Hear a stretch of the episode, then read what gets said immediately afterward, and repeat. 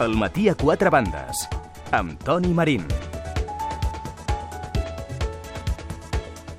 Les 10 i 6 minuts, Ràdio 4, al matí a 4 bandes. Com està tot, eh? Com està tot de mogut? M'ha encantat, jo no sé vostès, però aquesta xerrada entre Carles Grau i Gonzalo Bernardo, justament per aquesta qüestió que comentàvem abans, no? que segurament és la polarització justa que hi ha en aquests moments. Aquells que miren en l'obra de govern, miren enrere, i aquells que miren a l'obra del govern que ve, per, eh, per entendre'ns. No? És interessantíssim. I jo tinc la sensació que tindrem una, una eh, campanya electoral molt en aquesta línia. Pot ser realment enriquidora, francament.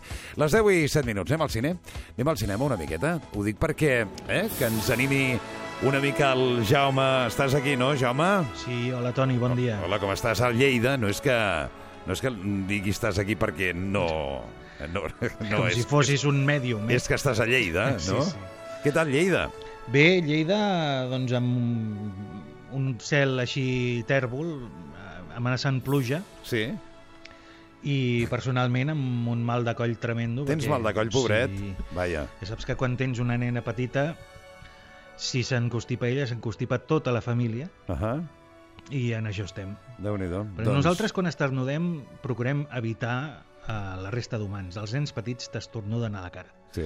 És curiós, deixa'm que digui una cosa. La quantitat de comentaris que ha generat l'entrevista que hem fet al rector de la Universitat Pompeu Fabra, eh, Fabra Josep Joan eh, Moreso. Ho dic perquè si vostès tenen l'ordinador a mà i es connecten al Twitter del matí a quatre bandes, veuran molta rèplica, eh, realment, a les eh, declaracions que ha fet en aquest eh, programa. Em deixes que llegeixi dues, I per tant. exemple? I tres, Eh, si Josep, vols. Josep Joan Moreso, en dos anys hem patit una reducció del 18% dels ingressos a la universitat.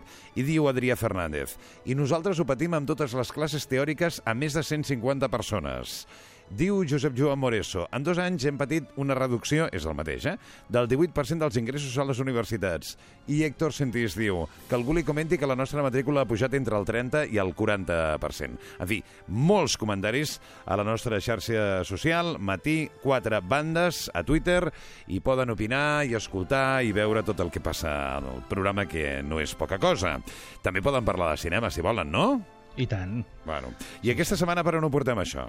Doncs ho portem per eh, coses una mica estranyes, la veritat. A veure... Un retorn al classicisme i, i buscar fórmules de, de, de cinema que, que satisfaguin un gran públic. Comencem amb un musical... Cine, cinema familiar.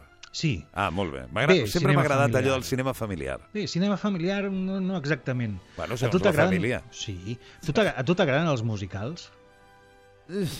I no, Depèn. Hi ha, Ah. hi ha musicals... eh, Parlem de cinema. o de teatre. A de teatre, més i segons. Em va encantar Rent, per exemple. Ah, Rent està molt bé. Sí. Sí, sí. No sé, hi ha altres que...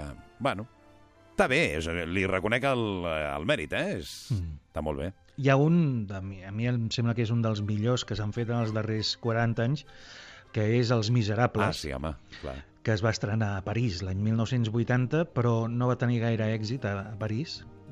Van anar-hi 100.000 persones, una cosa així aproximadament. Va anar a parar a Londres i allà mm, encara avui en dia s'està representant. Uh -huh. Els Miserables. Que maca és aquesta cançó, eh? És impressionant. when hope was high and life worth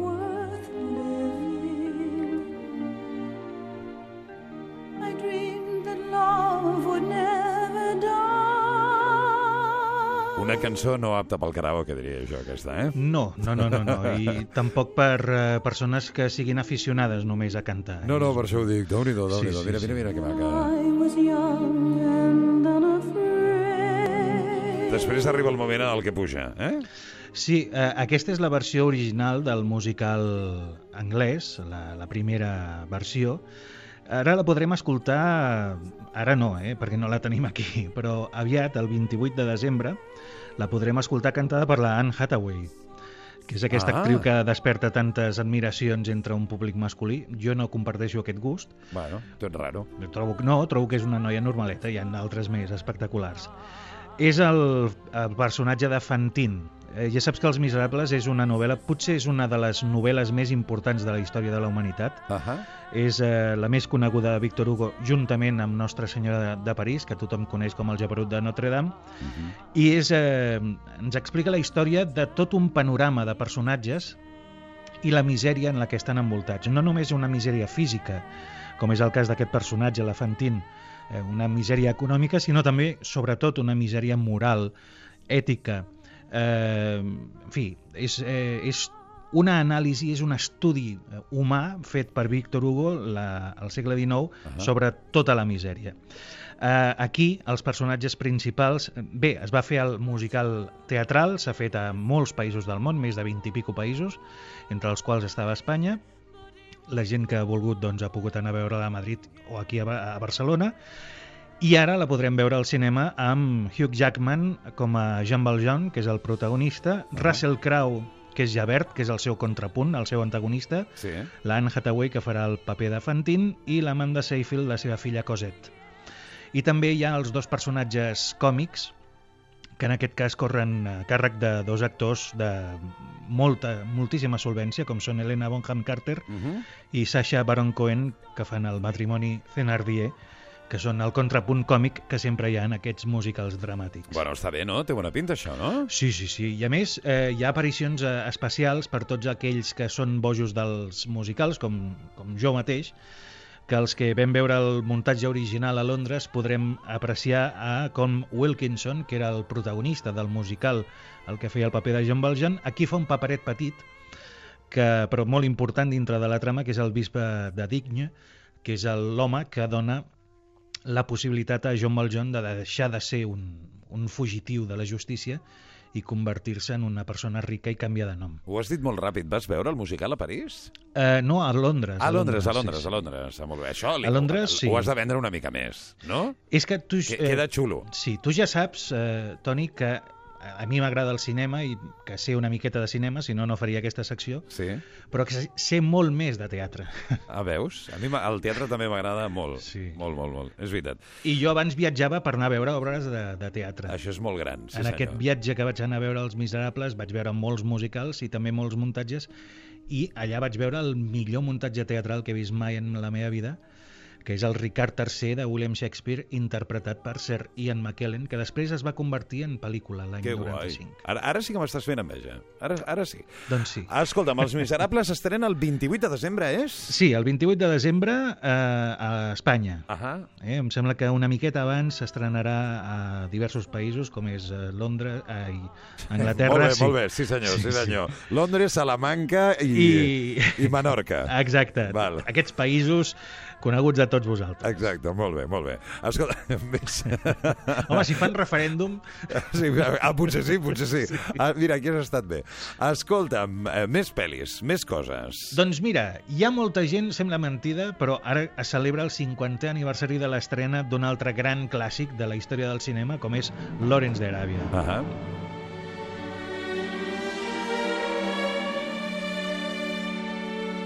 Avui les músiques xulíssimes, eh? Home, és que aquesta Maurice Jarre, eh, el pare de Jean-Michel Jarre, és injust conèixer Maurice Jarre com a pare de Jean-Michel Jarre quan hauria de ser l'inrevés, eh? Sí, mira.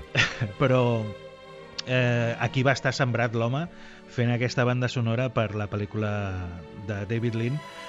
És una de les grans, grandíssimes pel·lícules de la història del cinema. Jo la col·locaria, sense cap mena de dubtes, entre les 25 millors Ja veus? i s'ha de veure al cinema. S'ha de veure al cinema, mm, és imprescindible... Veu... Primer, veure-la. Ahà. Hi ha moltíssima gent que no ha vist Que no ha vist d'Aràbia. Lorenz d'Aràbia. És impressionant, però hi ha moltíssima gent que no l'ha vista.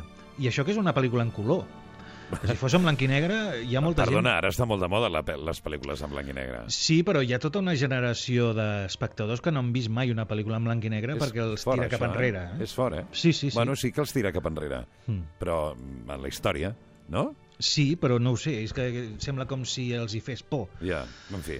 No passa res, eh? No, Es poden veure pel·lis en blanc i negre i és fantàstic. no mosseguen, no... I ara què passa amb Lorenz d'Aràbia? Doncs eh, ara han, de, han desenvolupat una tècnica de recuperació, de remasterització de pel·lícules Uh -huh. i l'estrenen eh, precisament amb la restauració de Lawrence d'Aràbia, que ja va ser restaurada l'any 90 Sí. i ara tornen a agafar el màster original de 65 mil·límetres, Uh -huh. és a dir, és un màster eh, un, un, amb més amplada que l'original de, de 35 mil·límetres, el celuloide original de les pel·lícules habituals. Aquesta es va filmar en 65 perquè és espectacular. Uh -huh. I aquest màster, que té quatre vegades més detall que el que era una pel·lícula habitual en aquell moment, ara ha estat eh, digitalitzat amb una tècnica que es diu 4K, que el que fa és donar una qualitat mm, impressionant. És a dir, el, el Blu-ray Uh -huh. no arriba a fer justícia a aquesta còpia digital. Sí, sí, sí. Ja veus. Aquesta còpia digital que es poden projectar a tots els cinemes. Doncs això, mira, serà una gran, gran oportunitat per anar a veure Lawrence d'Aràbia, aquella gent que no l'hagi vist encara, no? Exacte. A partir del 4 d'octubre s'estrenarà més de 200 cinemes als Estats Units, cosa que ja és eh, una xifra molt espectacular per un país com els Estats Units, que els Sí? clàssics de cinema no, no es veuen... Però 200 cinemes a tots els Estats Units no és molt poc? Pensa que el Padrino es va estrenar a 5 cinemes. Ja veus, val, val, doncs, Sí, sí. Ja, doncs callo. Sí, sí. Després van, van obrir a molts altres cinemes, eh? però Ahà. el sistema de distribució als Estats Units és molt especial, és Mhm. molt... Ara, amb els multisales, ha canviat moltíssim la cosa, però abans s'estrenaven les pel·lícules a sales molt determinades, Clar, normalment un sol cinema a cada ciutat, clar. cinemes de 5.000, 10.000 localitats, però un sol cinema, i després, al cap d'unes setmanes, passaven als cinemes eh, ja de barri, eh? i després els, els uh, cinemes de poblacions petites i com a final la cluenda doncs, eh, els eh, autocines, eh? els, els cinemes aquests de, de cotxes. Has vist alguna vegada una pel·li amb un autocine? Eh, vaig anar a un autocine i feien una pel·lícula, però no vaig veure res. Val. No em facis explicar què és el que vaig fer. Bé, els, auto, els autocines sempre han viscut de la ignorància de, dels espectadors, no diríem? Sí, sí. Era, era la funció que tenia l'autocine als Estats Units. Jo crec que hi ha pel·lícules que han donat diners gràcies als autocines. Sí. Saps el que et vull dir? Roger Corman va fer tota una producció, bé, una productora basada en pel·lícules de sèrie Z pensades única i exclusivament pels autocines. Ja veus. I mira, i d'allà de la seva factoria no només han sortit pel·lícules interessants, sinó que també directors com Francis Ford Coppola eh, van començar amb ell. Ah, o Martin no Scorsese, també. això. Ah, que bé, que Sí, bé, sí. que bé, que bé. Està molt bé. Escolta'm, parlem d'estrenes? Sí, parlem d'estrenes, però actuals. Vinga. Sí, clar, home. Sí, no, perquè Lorenz d'Aràbia serà estrena aviat, però, però No, no, bé, és, doncs mira, jo m'ha vingut a gust, eh? Tornaria a veure Lorenz d'Aràbia. Sí. és que és, és impressionant. Sí, sí, sí, sí, sí. És impressionant. I què més? Va. Doncs mira, anem cap al cinema a veure, per exemple, Blancanieves. Blancanieves, eh? No Blancaniebles. Blancaniebles? Mm, sí, és que m'ha sortit abans Ah. ah. Blancaniebles. I no, és Blancanieves, Sí. la pel·lícula del Pablo Berger, que la, ja vam parlar d'ella fa un parell de setmanes. I que té una banda sonora preciosa, també. Ahir, Eh, ahir la vam escoltar una mica. Sí, Era. no és aquesta, no és aquesta, eh? Això és un... Ah, no és aquesta? No, és Ah. que no l'he trobada. Ah, ah doncs I- mira, jo crec que la teníem nosaltres. Ah, doncs...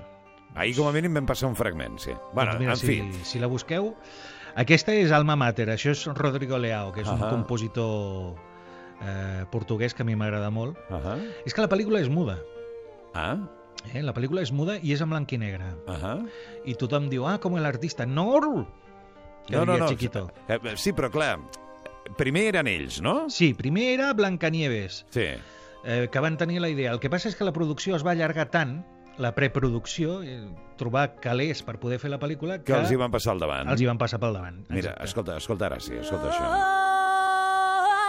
Això sí. De piel blanca, blanca.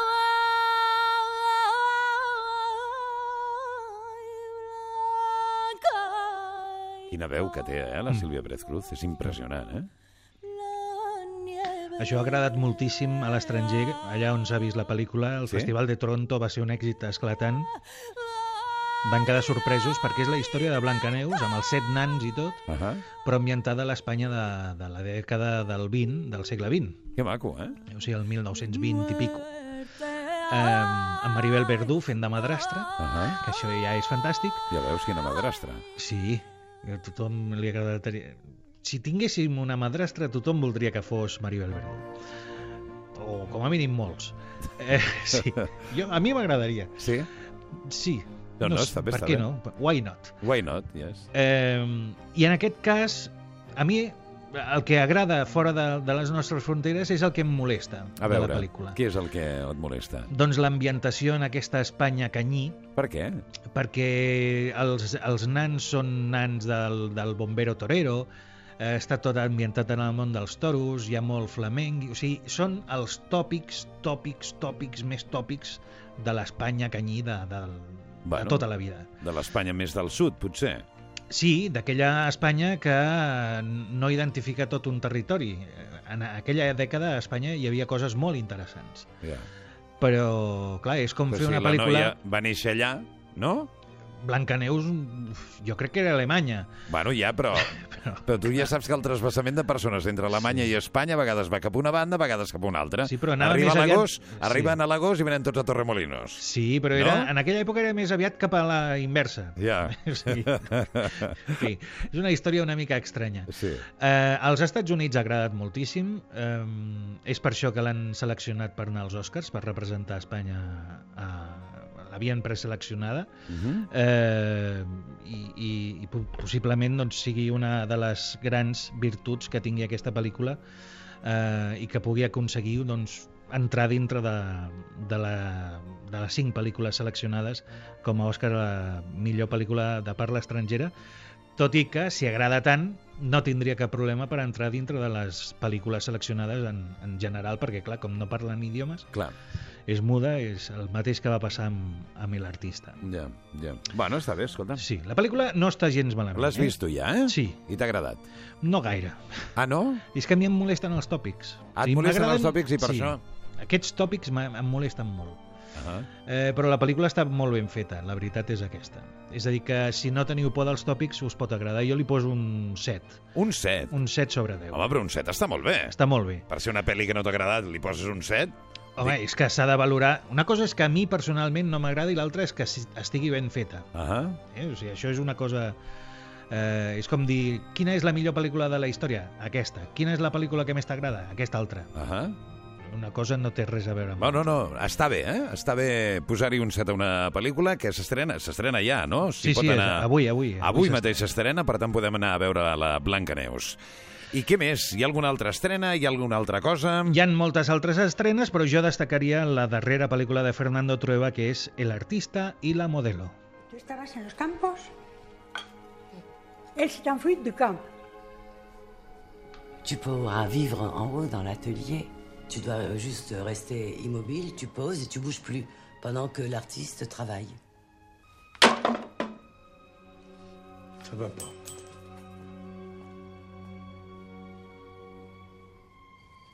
Je connais bien le chemin dans la montagne. Alors, je fais passer des gens.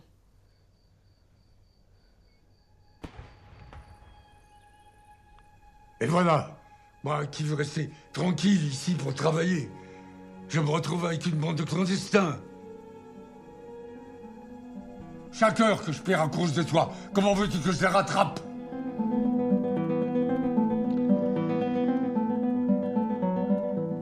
Isaac Albéniz, no? Sí, sí, sí. Mira, Fantàstic. buscant música per il·lustrar he dit què millor que Isaac Albéniz, Que bé. fa temps que no l'escoltem en lloc Està molt bé, està molt i bé. l'he triat. Eh, la pel·lícula està dedicada al germà gran de, dels Trueba, el Máximo, que era escultor i que va, va morir fa un temps. Però és una pel·li en francès? És una pel·li en francès, sí. Ahà. Sí, sí, és una, és una noia espanyola que va a parar a França i que doncs, allà de- desenvolupa eh, tota aquesta història entre un artista i una model. Ah, És, eh, jo crec que la pel·lícula és possiblement una de les millors de Fernando Trueba. sí? Sí. Jo aquesta li posaria un 8 sobre 10. Estàs generós, avui trobo, no? És que eh, en aquesta època, en aquests mesos, s'estrenen les pel·lícules de qualitat. Ah, d'acord. Perquè hi ha la carrera pels Oscars i les distribuïdores esperen eh, que sigui octubre, setembre, octubre, novembre per estrenar aquestes pel·lícules perquè puguin entrar a la carrera dels Oscars. Ja. Trueba aquí jo crec que ha fet una història interessantíssima que portava molts anys treballant Ahà. i que veritablement doncs, eh, aquí ha, ha trobat una història potent amb uns actors eh, que estan a l'alçada de les circumstàncies i veritablement jo crec que estem dintre d'una davant d'una de les seves obres més interessants. Fantàstic. Escolta'm, i a la categoria de pel·lícula entronyable avui no n'hi ha cap. No, avui he, he procurat parlar de pel·lícules de qualitat perquè la gent també ha d'anar al cinema de tant en tant. Està molt bé, no? Una cosa és prevenir-los i dir, escolteu, no aneu a veure aquesta o, o, o feu el que vulgueu, però jo us he avisat. I avui no, avui prefereixo doncs, eh, donar-los l'oportunitat de descobrir pel·lícules. A més, les dues són espanyoles eh, i ja sabeu el, que, que sempre menys tenim el cinema espanyol, no? Mhm. I jo crec que quan hi ha bones pel·lícules s'ha de dir i s'ha d'incentivar que vagin a veure pel·lícules fetes aquí. Molt bé. Doncs eh, està molt bé, jo no sé si els nostres i les nostres joves eh, aniran o no al cinema aquesta setmana. Dani, què? Hi ha cinema o no avui? Hola, bon dia. Bon dia. Doncs potser sí, aquesta té bona pinta, el David Trueba. El David... Ai, Fernando, Fernando, Fernando Fernando, Trueba. Fernando, perdona. No, Fernando. El que passa que el cinema vull denunciar que és molt car, eh? L'altre dia vaig passar per davant d'un em sembla que un cap de setmana, un dissabte, són al voltant de 9 euros. per o sigui, atenció, l'altre dia vas passar per davant d'un i vas mirar el preu. No és que entressis. No, no, no, estava en centre comercial i vaig dir... eh, Bueno, allò com a... a 9 euros val el cinema, 9 Déu-n'hi-do. euros un dissabte. Déu-n'hi-do, eh? Doncs Però te- ara s'estan posant les piles i tots estan fan rebaixes d'aquestes. Re Bueno. regala les Sí, crispetes. sí, sí. Bueno, no, però les entrades amb els carnets universitaris i els carnets joves, això... Jo he trobat cinemes que no només te fan els descomptes entre setmana, també els Ah. caps de setmana te'l fan. Molt bé, aquí hem escoltat eh, a la Glòria Saez, que és estudiant d'Econòmiques de la Universitat de Barcelona. Bon dia, eh? Bon dia, bon I benvinguda al dia. eh, programa. Gina, què tal, Gina? Hola, bon dia. La Gina Giró, que és estudiant d'Economia de la Universitat Pompeu Fabra. Abans ha estat el rector de la teva universitat aquí, el senyor Moreso, Ho sé, ho sé. i és membre del blog Pompeunòmics. Eh, què tal, t'agrada el cinema tu o no? Sí, sí, m'agrada molt, però és cert el que es deia, que cada vegada és més difícil, però bé, s'haurà de fer un esforç i haurem de ser més selectius a les pel·lícules que anem a veure. Blancaneus l'aniràs a veure? Aquesta Blancaneus tinc moltes ganes de veure-la perquè és veritat que el cinema mut crec que s'hauria d'anar recuperant a poc a poc perquè sembla que tota la història del cinema des de que es va començar a fer servir la paraula doncs ha anat decreixent i així com dir artista ens va emocionar, doncs crec que Blancaneus serà una bona opció. Ho veurem. Home, hi ha alguna excepció de pel·lícula bona en tots aquests anys, diríem, Sí, és no? veritat, però quan el cinema és mut és com que les emocions surten més a flor de pell i a mi personalment m'agrada molt. Eh, Rodrigo, que, com vas d'emocions? Bon dia, Rodrigo. Bon dia. El Rodrigo Martínez, el secretari general d'Estudiants pel Canvi. Eh, què, aniràs al cinema a veure Blancaneus o no? No ho sé, potser espero que surti en DVD. El, el cinema l'he traslladat a casa. Sí, no vas mai al cinema? Sí, vaig, però procuro fer-ho a casa. Sí? Sí, més barat. Aquell plaer de les crispetes, no?, que tant li agraden al Jaume. Sí. Uh, M'agraden perquè no hi ha estofat de vedella, eh? ah, ah, mira, aquesta seria una manera potser de reivindicar el cinema, no? Sí, sí. O sigui, faci un eh, pa complet a migdia. Hi ha molta gent que dina sola, per exemple, a migdia. Hi ha cinemes, ara que penso a Barcelona, que fan aquest tipus de coses. De que dines allà mateix un entrepà o qualsevol cosa, entres a veure la pel·li a migdia i després surts i tan content, no? Tornes a la feina, no? Un fricandó amb patates fregides i coses així, tu vas veient la pel·li i vas jalant. Culi, culiflor, que és una cosa que no fa olor, per exemple, no? Sí, Te l'emportes allà al tàper, vas amb el tàper, en fi, com ens hem de veure. Jaume, que tinguis una molt bona setmana. Gràcies, igualment. Senyores, senyors, arribem a dos quarts d'onze. Ja veuen quin panorama tenim, el panorama del que estem parlant absolutament des que ha començat avui el nostre programa, molt dividit avui, sobretot, per dues grans eh, qüestions. Eh, tenim d'una banda eh, la, la moció que va aprovar ahir al Parlament de Catalunya, una moció de Convergència i Unió i Esquerra Republicana i que va comptar amb els vots eh, d'Iniciativa per Catalunya i també de Solidaritat per la Independència, Joan Laporta i Ernest Maragall, que per cert eh, ja se sap que no anirà a les llistes del Partit dels Socialistes de Catalunya, eh, és una de les eh, informacions que han sorgit al llarg del matí. Aquest és un tema. Després tenim els pressupostos de l'Estat, no? I aquest anunci que feia Soraya Saez de Santa Maria, la vicepresidenta del govern espanyol, de que són els pressupostos que ens portaran a la sortida de la crisi. Mm, a Brussel·les els hi agrada. Els nostres experts en economia abans no feien una lectura tan positiva, però en fi, ja sabem que això de la, de la crisi, eh, ai, ai, això de la crisi i això de l'economia, mm, cada vegada pensem menys que sigui una ciència exacta, o sigui que parlarem d'una cosa, parlarem de l'altra i de tot allò que vulguin les persones que ens acompanyaran els propers minuts. Ara fem una pausa molt breu i tornem de seguida a Ràdio 4, aquí al matí a quatre bandes.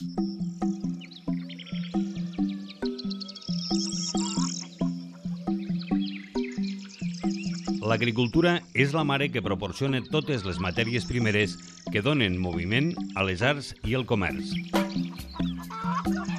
Món Rural. L'actualitat del món del camp. Cada dissabte a dos quarts de nou del matí a Ràdio 4. La primera en català.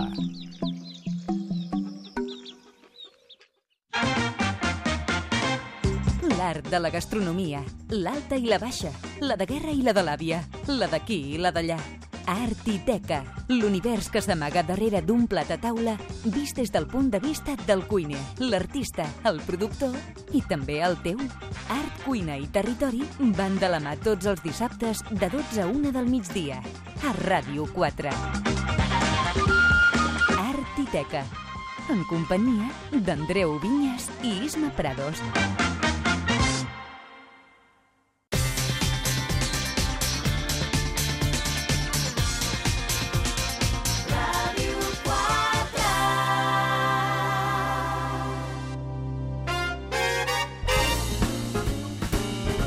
Passen dos minuts a dos quarts d'onze a Ràdio 4 al matí a quatre bandes intentant gaudir una mica d'aquest matí de divendres més aviat grisós i amb una perspectiva de dissabte on no està accent a la pluja. Però ja ho diuen, el mal temps bona cara i els mals temps que ens han tocat viure, doncs posar-hi la millor cara eh, possible. I això és el que intentem, buscant totes les visions eh, que, que podem, des del punt de vista ideològic i també des del punt de vista generacional. Ens agrada en aquest programa que absolutament tota la societat pugui dir la seva i per això també tenim la nostra tertúlia de joves, joves, els jabs, no? Els jabs que deien, jóvenes aunque sobradamente preparados, no? Que és així com són sempre els joves que venen al matí a quatre bandes. Aquest matí ha vingut, ho dèiem ara fa una estona, el rector de la Universitat Pompeu Fabra. Com està la universitat, eh, Gina? De, de moguda i d'enfadada la gent amb el tema de l'augment de les taxes, eh? Sí, la veritat és que motius no en falten, ja ho vam parlar també una miqueta la setmana passada, amb cada vegada més alumnes per classe, professors, sobretot a les classes pràctiques, que evidentment venen menys motivats perquè se'ls retalla molt, molt el salari.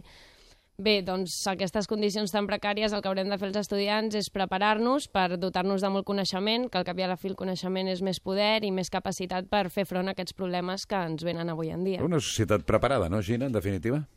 Sí, però jo tampoc veig una gran diferència amb els professors des de que s'han... Bueno, hi ha hagut aquestes retallades. Jo, jo els veig al mateix nivell. Ells venen, fan la classe i adiós muy buenas. I, i, i poca cosa més. Sí que jo sí que he notat entre la gent, entre els estudiants, sobretot lo de ui, m'ha quedat aquesta assignatura, la matrícula m'ha pujat moltíssim. Jo crec que és més aquesta la preocupació que no la dels, la dels professors. Què diu Rodrigo? Jo crec que els professors són els mateixos. Eh, no sé si això és bo o és dolent, perquè, bueno, teni, tenim de tot, no? Tenim Segons el que- cas, segurament, Se- no? Segons els cas, sí, sí, perquè tenim plans docents molt antics que, que a la universitat és un problema que tenim que hauríem d'actualitzar molts, plan, molts plans docents a, al que és ara mateix el, el món laboral, el món empresarial, en el cas de- d'econòmiques, perquè, perquè tenim molt, molt temps eh, que, que, el, és que el perdem, perquè no, no donem una, unes, unes matèries a vegades que, que ens serveixin doncs, això pel, pel dia de demà. Ja. I tu què dius, Dani? Doncs a mi em preocupa molt que en l'època en la que estem, on per sortir de la crisi és bàsica la formació i sobretot l'excel·lència universitària i formació professional en aquest cas, doncs hi hagi aquest volum de retallades. Sobretot perquè el que es busca doncs, és més inversió en recerca, desenvolupament, que serà el que ens farà sortir d'aquest- d'aquesta crisi com amb garanties. Dir, Catalunya o l'estat espanyol ja no pot competir amb mà d'obra barata. I és a través de les universitats i sobretot aquestes inversions que s'haurien de fer i no retallar en aquests moments les que ens ajudaran doncs, a sortir. Home, jo no tinc ni idea, eh, perquè era la primera vegada que ho escoltava, però abans a la tertúlia estava el vicerrector de- d'Economia de, la Universitat de Barcelona, Gonzalo Bernardos, dient com, de mica en mica com estan baixant els eh, salaris empreses que abans externalitzaven ara estan tornant cap aquí. I poseu l'exemple de Zara, per exemple, que, que torna a Galícia, no? o alguna altra aquí a Catalunya, també. No? Bueno, ens trobem, sí, que hi ha empreses que estan tornant cap aquí. Bueno, estan baixant els salaris. Vull dir, si fa 4 o 5 anys parlaven d'allò dels 1.000 euristes, no? de, de salaris de 1.000 Ara ja no euros... s'arriben als Ara ja 1.000 no s'arriben als 1.000 euros. euros. Ara el salari estan baixant per als 700-800 euros. Recordem que tenim un salari mínim de 641 euros. Sí, sí. Clar. Eh, també és veritat que tenim una legislació laboral que s'ha radiat molt en els últims temps. i després també tenim una legislació mediambiental que potser altres països no tenen. Uh -huh. Vull dir, perquè hem de cuidar el medi ambient. Vull dir, són una sèrie de factors que re- realment doncs, contribueixen a que vinguin o no empreses a- al nostre país. Escolta'm, fa estona que tenia ganes que vinguéssiu per preguntar-vos una cosa. jo no sé si és cosa meva o no, però eh, estem en un moment quan històricament sempre s'ha dit que la política anava per una banda i la societat eh, per una altra i que hi havia una gran distància entre una cosa i l'altra. Ara sembla que no, no? És a dir, jo no sé si és el meu entorn, i potser m'equivoco, però per això m'agradarà escoltar-vos a vosaltres, però en aquests moments s'està parlant molt de política a tot arreu, no? No, no sé què, com ho esteu vivint vosaltres. Sí, jo personalment crec que estem en un moment de molta crispació. Vull dir, jo crec que la crisi juga un gran paper, la gent està dubtosa, no sap no sap què farà d'aquí uns anys, vull dir, està dubtosa perquè hi ha, un, un, hi ha molta inseguretat. I tot això, lligat amb bueno, aquestes declaracions que fa el president Mas al Parlament, mm, jo crec que encara ajuda a crispar molt més l'ambient. Crec que no t'agrada massa la idea. No, a mi personalment no m'agrada massa la idea. És, bueno, no sé el que passarà d'aquí al 25 de novembre, però a mi em dóna la sensació de que amb aquesta crisi que tenim mm, una independència mm, no solucionaria massa problemes, sinó que en portaria molts més. Hi hauria mm, molta... Vull dir, la gent es dividiria... Bueno, el que es diu, no? Ara, què passaria amb les nostres pensions? Vull dir, bueno, jo no les estic pagant perquè estic estudiant, però els meus pares sí. Què passaria amb tot això? És una mica un grau d'incertesa i per això jo crec que la gent... Avui en dia tu estàs prenent un cafè i sents a la taula del cantó que parlen de política quan abans... Això no, és veritat que no passava. Digues, digues, Rodrigo. No, que, eh, que és, estic bastant, estic bastant d'acord amb el que s'acaba de dir i la gent està molt crispada, està molt enfadada amb, amb tot, no? Però encara això no sembla, no sembla que, que estem fent alguna cosa, no? Parlem molt, mm, es fan moltes petites coses, però encara no hem arribat a un punt en comú on puguem dir prou. Clar, ara mateix tenim el, el president que ens està ficant això de la independència. Això de la independència, dit d'aquesta manera, és que a tu tampoc no t'interessa massa, No, bueno, no, no, no, jo no- no, no. no, no, no, jo no, no, no per- per- perdó, un matís. Jo crec que si un no vol no té per què eh, manifestar públicament No, no, no, no, si no, li jo agrada o dic- no li agrada. Això és cosa de cadascú, mi eh? no No, això. A tu no no, t'agrada. no, m'agrada. no, soc, no soc independentista. Jo no sóc independentista.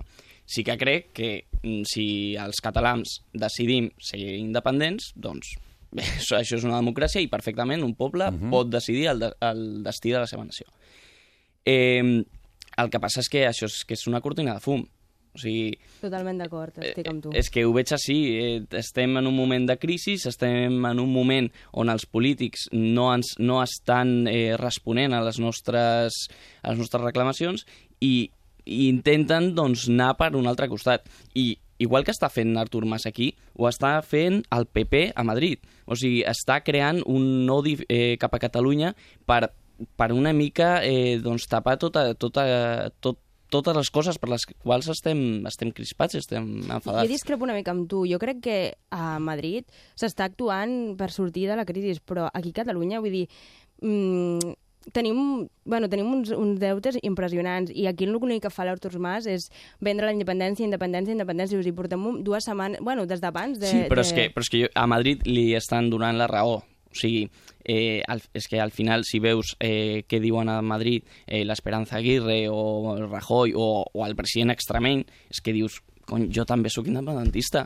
Hi ha declaracions que fan mal. Eh, no, no he sentit encara ni a la Glòria ni al Dani. Glòria. No, la Glòria sóc jo. Ai, perdó, perdó, a la Gina, la Gina o al Dani. Ho sento. Aviam, estic d'acord amb el que s'està dient amb bastants matisos. És a dir, estic plenament d'acord en que les banderes no poden tapar doncs, les misèries que està patint la societat avui en dia i tots els problemes que, que tant Espanya com Catalunya, una dins de l'altra o com es vulgui pensar, estan patint. El que passa és que tampoc crec que aquest debat de la independència hagi sorgit de manera totalment um, infundada per només un polític, és a dir, la, la manifestació que va haver va ser real i llavors el que està fent els polítics de Catalunya i el Parlament és doncs, escoltar una miqueta aquest clam del poble i el que s'ha dit de moment no és res de en, ara ens farem independents, sinó com ahir, com tots sabem... Jo, jo crec que el president Mas està anant molt, molt fort, vull dir, no és un una moment, broma un ara moment, mateix. Un moment, però ahir en el Parlament el que es va votar és doncs, el dret que té Catalunya a decidir, que és el que deia el meu company ara fa un moment. No s'està votant ja la independència ni res, simplement el fet de que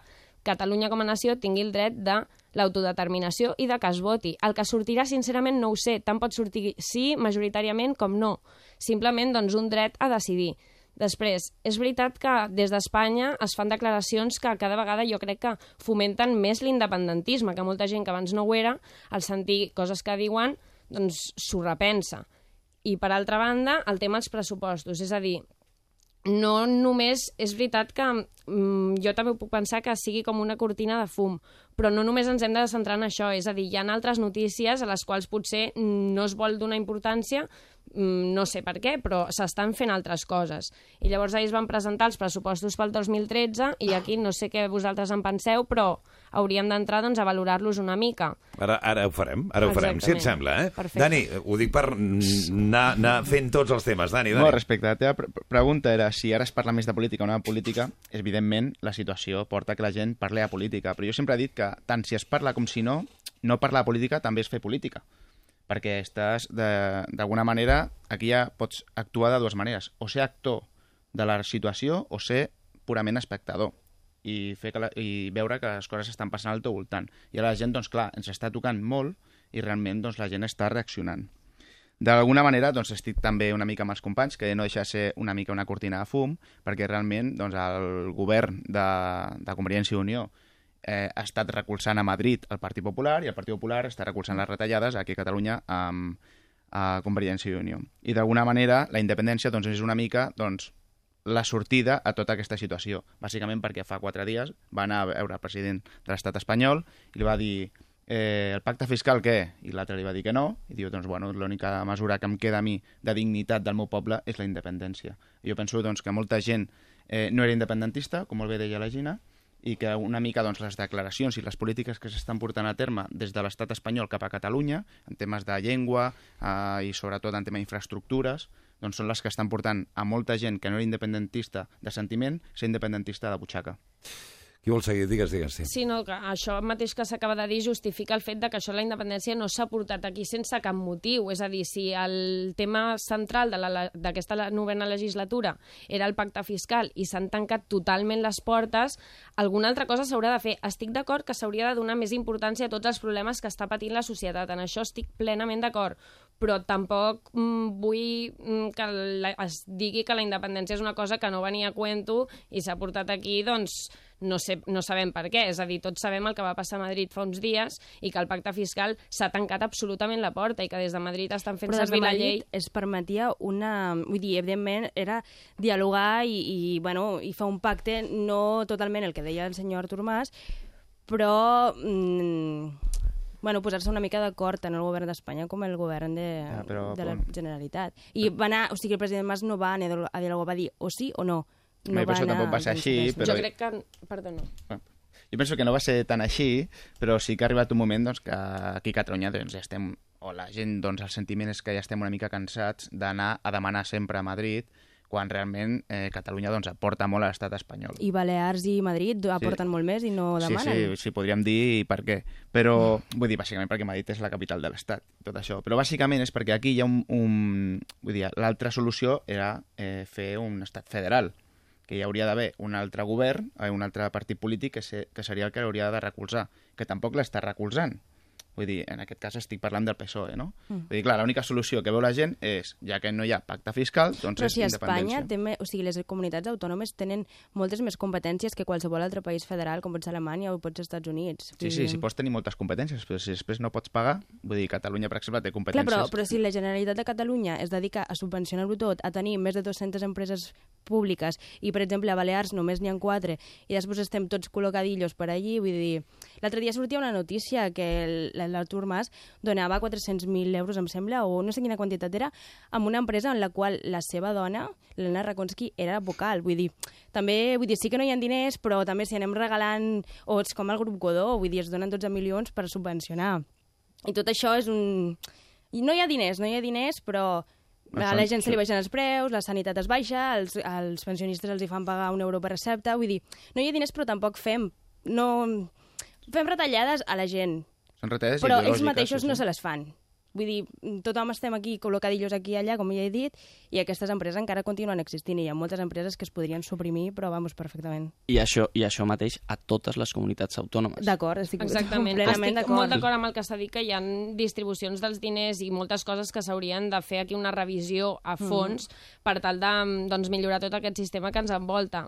Però això no passa només a Catalunya, passa a tot l'Estat, les subvencions inútils i mm, bueno, ja se sap que Espanya, des de, bé, quasi des de que va començar Sí, la democràcia, bé, és això. experta en crear bombolles, o sigui, no només la immobiliària, sinó les energies renovables, els aves, o sigui, s'estan creant bombolles aquí en el nostre país d'una manera absolutament frenètica i Home, això no passa només Home, a més que Catalunya. bombolles, penso que s'ha pensat, eh, o s'han fet polítiques pensant en un rèdit electoral que en un rèdit com a país. Totalment d'acord. Mhm. Quan tot anava bé...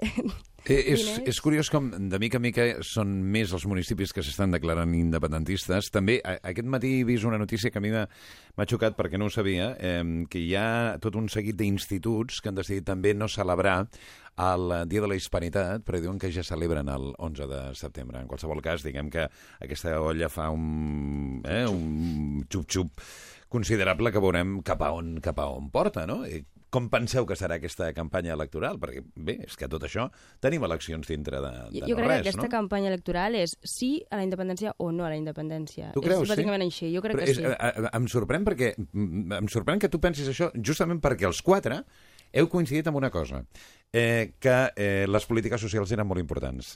I, lògicament, quan un va a votar un partit polític, en realitat vota tota una acció de govern, no? No, però quan, tu, quan, tu, quan a tu t'estan dient que la independència et donarà aquests beneficis socials, llavors votes la independència. No? Crec, crec jo que es, eh, el, les, tot, tot el tema social es, es vendrà d'aquesta manera. Ba sí, bueno, bàsicament és perquè estan venent des d'alguns sectors de partits polítics, estan venent com a solució la independència per sortir d'aquesta crisi. Sí, sí, sí. I després realment això serà així. Bueno, hi ha exp- experts que diuen que sí, diuen que també hi haurà una travessa al desert i que seran moments complicats i després hi ha altres doncs, que no. Clar, no sé, aquí fins que... No sé, això, per això estan ells, no? Per poder i prendre, decidir prendre decisions. Què dius, Glòria? Ai, Gina.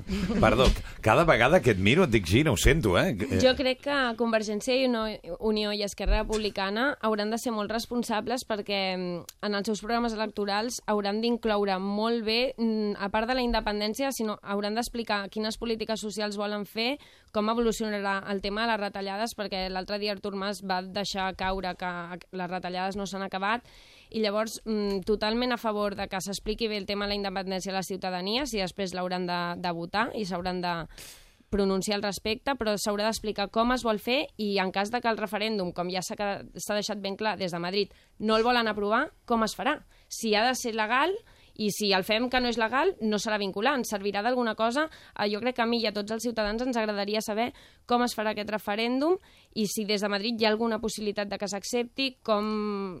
Bueno, com es És faria que jo crec que el, el, real, el, referèndum, el referèndum real serà aquest 25 de novembre. Vull dir, tu aniràs a votar i, i votaràs mm, sí a la independència o no a la independència. No hi ha més, aquestes eleccions No, són però, això. Però no és vinculant, això. Exacte. No és jo- vinculant, però crec que serà un reflex del que la ciutadania pensa. Però llavors què però un, passarà? un referèndum ha de ser vinculant? Un referèndum, crec que la paraula, no estic plenament segura, però crec que la paraula referèndum ja implica que és acceptat per part del govern espanyol, si no seria una consulta. Una I consulta, si- aquesta seria la Vale, i si, i si és acceptat per al govern de Catalunya? Clar, però el problema és que jo no crec, i jo crec mm, personalment... No tinc... Constitucionalment és que ens ho ha explicat aquest matí un, un Sí. professor de dret constitucional. Exactament. Eh, ho has escoltat? Sí. Val, doncs constitucionalment eh, el govern de Catalunya no pot organitzar un referèndum. És Vale. potestat només del Seria una govern. consulta. Vale, vale. Següent, següent. Si el govern de Catalunya és independent i es declara sobiranista, pot fer un referèndum totalment vinculant i si el poble de Catalunya diu que Catalunya és independent d'Espanya, ens declarem independents. Clar, però aviam, jo no tinc cap problema en dir-ho i crec que... Tu, tu demanes una independència prèvia d'una estona no, No, per no, prendre no, aquesta no, no, decisió, jo- fes això no, no, i després ja veurem que- què Jo el que dic és que la, consti No, no, la Constitució, la Constitució eh, un país no necessita una Constitució per funcionar. O sigui, la No, però és Constitució la- és la llei una... base, sí, dir, sí, és Sí, però les- és de, les normes no, de del joc. 76, ja cal Però que són- la són les normes No, no, però no, no és necessari. O sigui, una Constitució són, són unes bases. Són unes bases Que es, que es poden canviar i que, i que s'han de complir. Mm, La, el món canvia i, i la situació dels països canvia i a lo millor eh, doncs hem de canviar la Constitució. No estic dient que estigui a favor ni en contra, però, perquè jo crec que les coses van fer malament des del principi. Però, però, és, però és que és més important el que diu si no és Catalunya, és mm, l'Almúnia Doña Godina. O sigui, que si un poble doncs, diu que vol ser independent, doncs però ara mateix la Constitució això no li permet, o sigui, l'únic que no pot, o sigui, un, un ajuntament no pot declarar, fer aquest tipus de No, de sí que pot, si vol, pot fer-ho. Però El no que passa vincula- és que, no, no és el legal- que no és passa legal, és que es quedarà aïllat. És, és, sí. Catalunya es quedaria aïllada, Però perquè aquesta no seria acceptat no- no pels té cap- països com a país independent, ni seria acceptat a Europa, ni... potser sí. Aviam, jo Bueno, crec... no, no, no ho crec, si, no, si, a veure, si no, està, si no ho permet la Constitució espanyola i Espanya Bueno, no ho permet, jo no jo crec que ja molts cosa perquè- països eh, reconeixerien a Jo penso Catalunya que, com, inde jo penso que ja es independent. faria alguna cosa perquè Però, Europa però de aviam, ara, que per Catalunya exemple, té. ens hem adonat ja de que des d'Estats Units ja s'està dient que Catalunya hauria d'intentar buscar una via alternativa que no fos la independència i s'ha dit que eh, la Unió Europea dona moltes altres vies perquè les regions que tenen doncs, ànim de mm, més autonomia i més sentiment de nació es puguin doncs, trobar altres vies però dins de l'Estat. És a dir, jo crec que la Constitució d'acord, és una llei, però no és res més que això. És de l'any 76. S'ha de poder modificar si el gran part del poble ho demana. Això per una banda. I per altra banda, jo no tinc cap problema en dir-ho i crec que la independència ara mateix seria molt favorable per Catalunya. I ho dic obertament. Seria favorable, El que crec, el que crec Europea, és ja. que no es pot fer de manera unilateral. Crec que això no seria per res del món favorable perquè no tindríem els països de la nostra banda, com és evident, és a dir, amb tots els problemes que estan caient a tots els països d'Occident i que tenen ara el sistema capitalista, no es podran posar a favor d'una regió petita com som nosaltres, que serem molt forts econòmicament o el que vulgueu, però... Però ho serem ara perquè mm, ara mateix tenim un, una balança de dèficit, bueno, una balança comercial molt elevada perquè comencem molt amb la resta d'Espanya. Si amb la resta d'Espanya trenquéssim, jo dubto que la gent, vull dir que aquesta, aquest comerç continués existint. Sí, Igualment que, que si amb el Catalunya es fa independent, en 3 anys, amb tot el dèficit fiscal que hi ha, el deute estaria Però, totalment però jo solucionat. t'estic parlant de la balança anys. que hi ha comercial, no del, no del dèficit. I això de la Però balança fiscal que- i el dèficit és molt... Vull dir, el senyor Malos Colell vull dir, només ha presentat un tipus de... una balança comercial i s'haurien de presentar quatre. Ha presentat la que és més favorable per el seu, mm, la seva construcció nacional aquesta que parlen. Però per això mateix t'estic dient que jo crec que la independència s'hauria de fer d'alguna manera pactada amb Espanya, no d'una manera unilateral. I crec que això seria beneficiós tant per Espanya com per Catalunya. Mireu a Escòcia, o sigui, porta allà atrancada en el procés aquest democràtic perquè no vol fer-ho de manera unilateral. Jo crec que en els temps que corren s'han de pactar les coses perquè econòmicament sigui beneficiós per tothom. I per altra banda, les empreses d'avui en dia catalanes cada vegada més estan obertes a l'exterior. Les grans empreses catalanes, vull dir, mira, la setmana passada em sembla que va ser, es van reunir els grans empresaris d'aquí de Barcelona o de Catalunya, al Via Veneto, i van demanar al president Rajoy, que no, ai, al president Mas, que no seguís amb aquesta línia de l'independentisme. I per primer cop, per primer cop el president Mas va, de, va decidir rebutjar l'establishment, bueno, les empreses bueno, més Bueno. potents de- d'això, i va, va decidir pels vots, saps? Vull dir, el president Mas ha trencat amb les grans empreses. Què passaria amb la Caixa? La Caixa té un 70% de les seves oficines fora de, de Bueno, però és que aquí estem parlant Catalunya. de que l'alta burgesia sempre ha traicionat les classes populars i d'alguna manera... Això, Però és qui mou, això és qui mou Sí, sí, per l'economia. això, per això, aquí s'hauria de veure si en un hipotètic cas d'independència la burgesia o les grans empreses de Catalunya on pagarien els impostos, si a Madrid o a Barcelona. Això també s'hauria de veure. Sí, però també és tot el comerç que es té a la resta d'Espanya. Vull dir, què passaria amb aquestes empreses? Què passaria amb aquestes oficines de la Bueno, Caixa? Què passaria amb els nostres Vull dir, diners? bàsicament, ells tenen seu a Madrid perquè és la capital de l'Estat. Estic parlant de l'actualitat. En el suposat cas que Catalunya fos un país independent, Però tu creus que la Caixa rebutjaria el 70%? Que no sé, és que que no no l'hauria de rebutjar. Jo crec que si la independència es fa de manera gradual, les empreses, quan els criteris econòmics, i si tu estudies economia ho sabràs, quan, si tu tens una empresa que t'ofereix el millor preu de manera competitiva, tu no la rebutjaràs perquè aquesta empresa sigui catalana, des de Madrid. És la meva opinió. El boicot duraria un o dos anys. Jo no crec que, si tu ets un jefe d'empresa a Madrid, tu creus que diràs, no, no, comprem les empreses madrilenyes o les empreses alemanes si t'ofereixen un preu més elevat o menys competitivitat, si Catalunya és competitiva, que haurem de treballar per ser-ho, Ah, perquè això, les això. coses no són tan meravelloses com de vegades es volen pintar, però si són competitius i treballem per fer-nos aquest lloc a l'economia. Jo no crec que un, un empresari rebutgi comerciar amb nosaltres per criteris merament ideològics. Escolta'm, i diu l'Àngel en plan de conya, l'Àngel és el tècnic de diu, i si ens aixequem molt d'hora, molt d'hora, com deia en Guardiola? Doncs ho haurem de fer. Segurament. Escoltem, ens falten 4 minuts i la Gina, ara ho dic bé, no? Sí, no? Abans deia que volia parlar dels pressupostos, que són les dues notícies del dia. Tenim eh, la notícia que ens arribava des de casa nostra, aquesta imatge ahir del eh, Parlament votant, i l'altra, que eren aquests eh, pressupostos que el govern espanyol eh, va presentar ahir, no?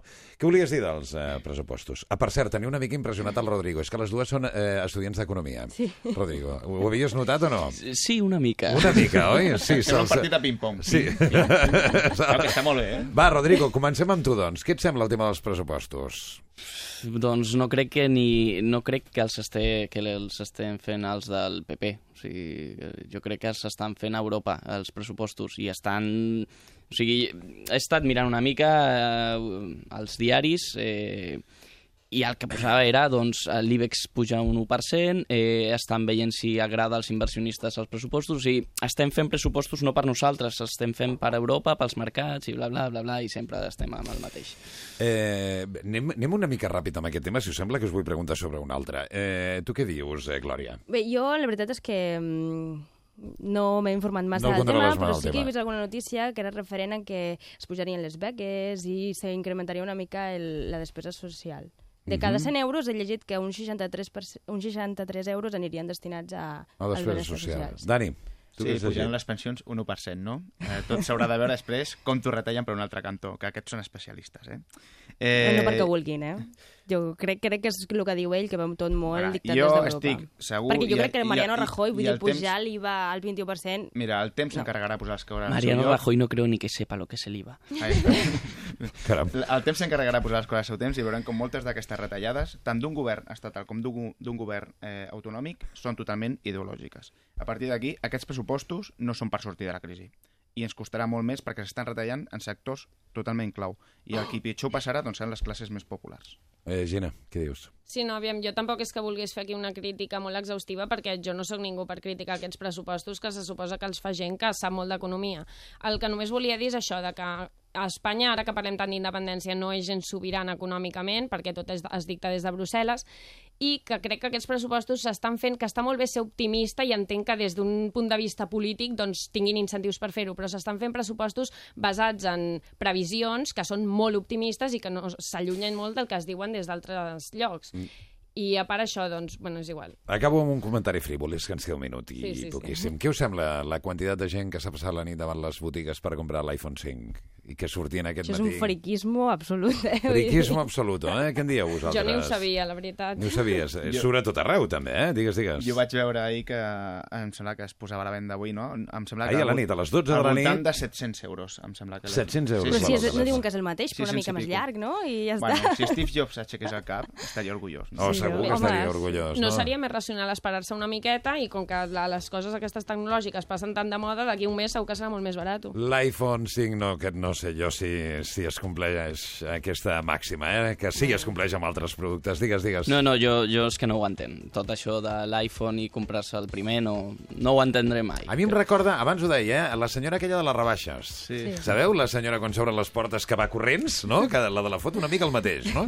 En fi, han muntat un número, el primer que ha comprat aquest telèfon l'ha aplaudit tothom, hi havia allà una claca absolutament espectacular. Bueno, forma, forma part, no? De, Sí, senyor. del ritual. Sí, sí, és el màrqueting. Màrqueting. Dani Garcia, Rodrigo Martínez, Gina Giró, Glòria Saez, ha estat un gust que esteu avui amb nosaltres. Moltíssimes gràcies i fins la setmana vinent. Moltes gràcies. Eh? Gràcies. Fem una pausa. Les notícies de les 11 i després publicitat, sexe, tendències, atacs de cor, tot el que cal per acabar la setmana. Ara tornem.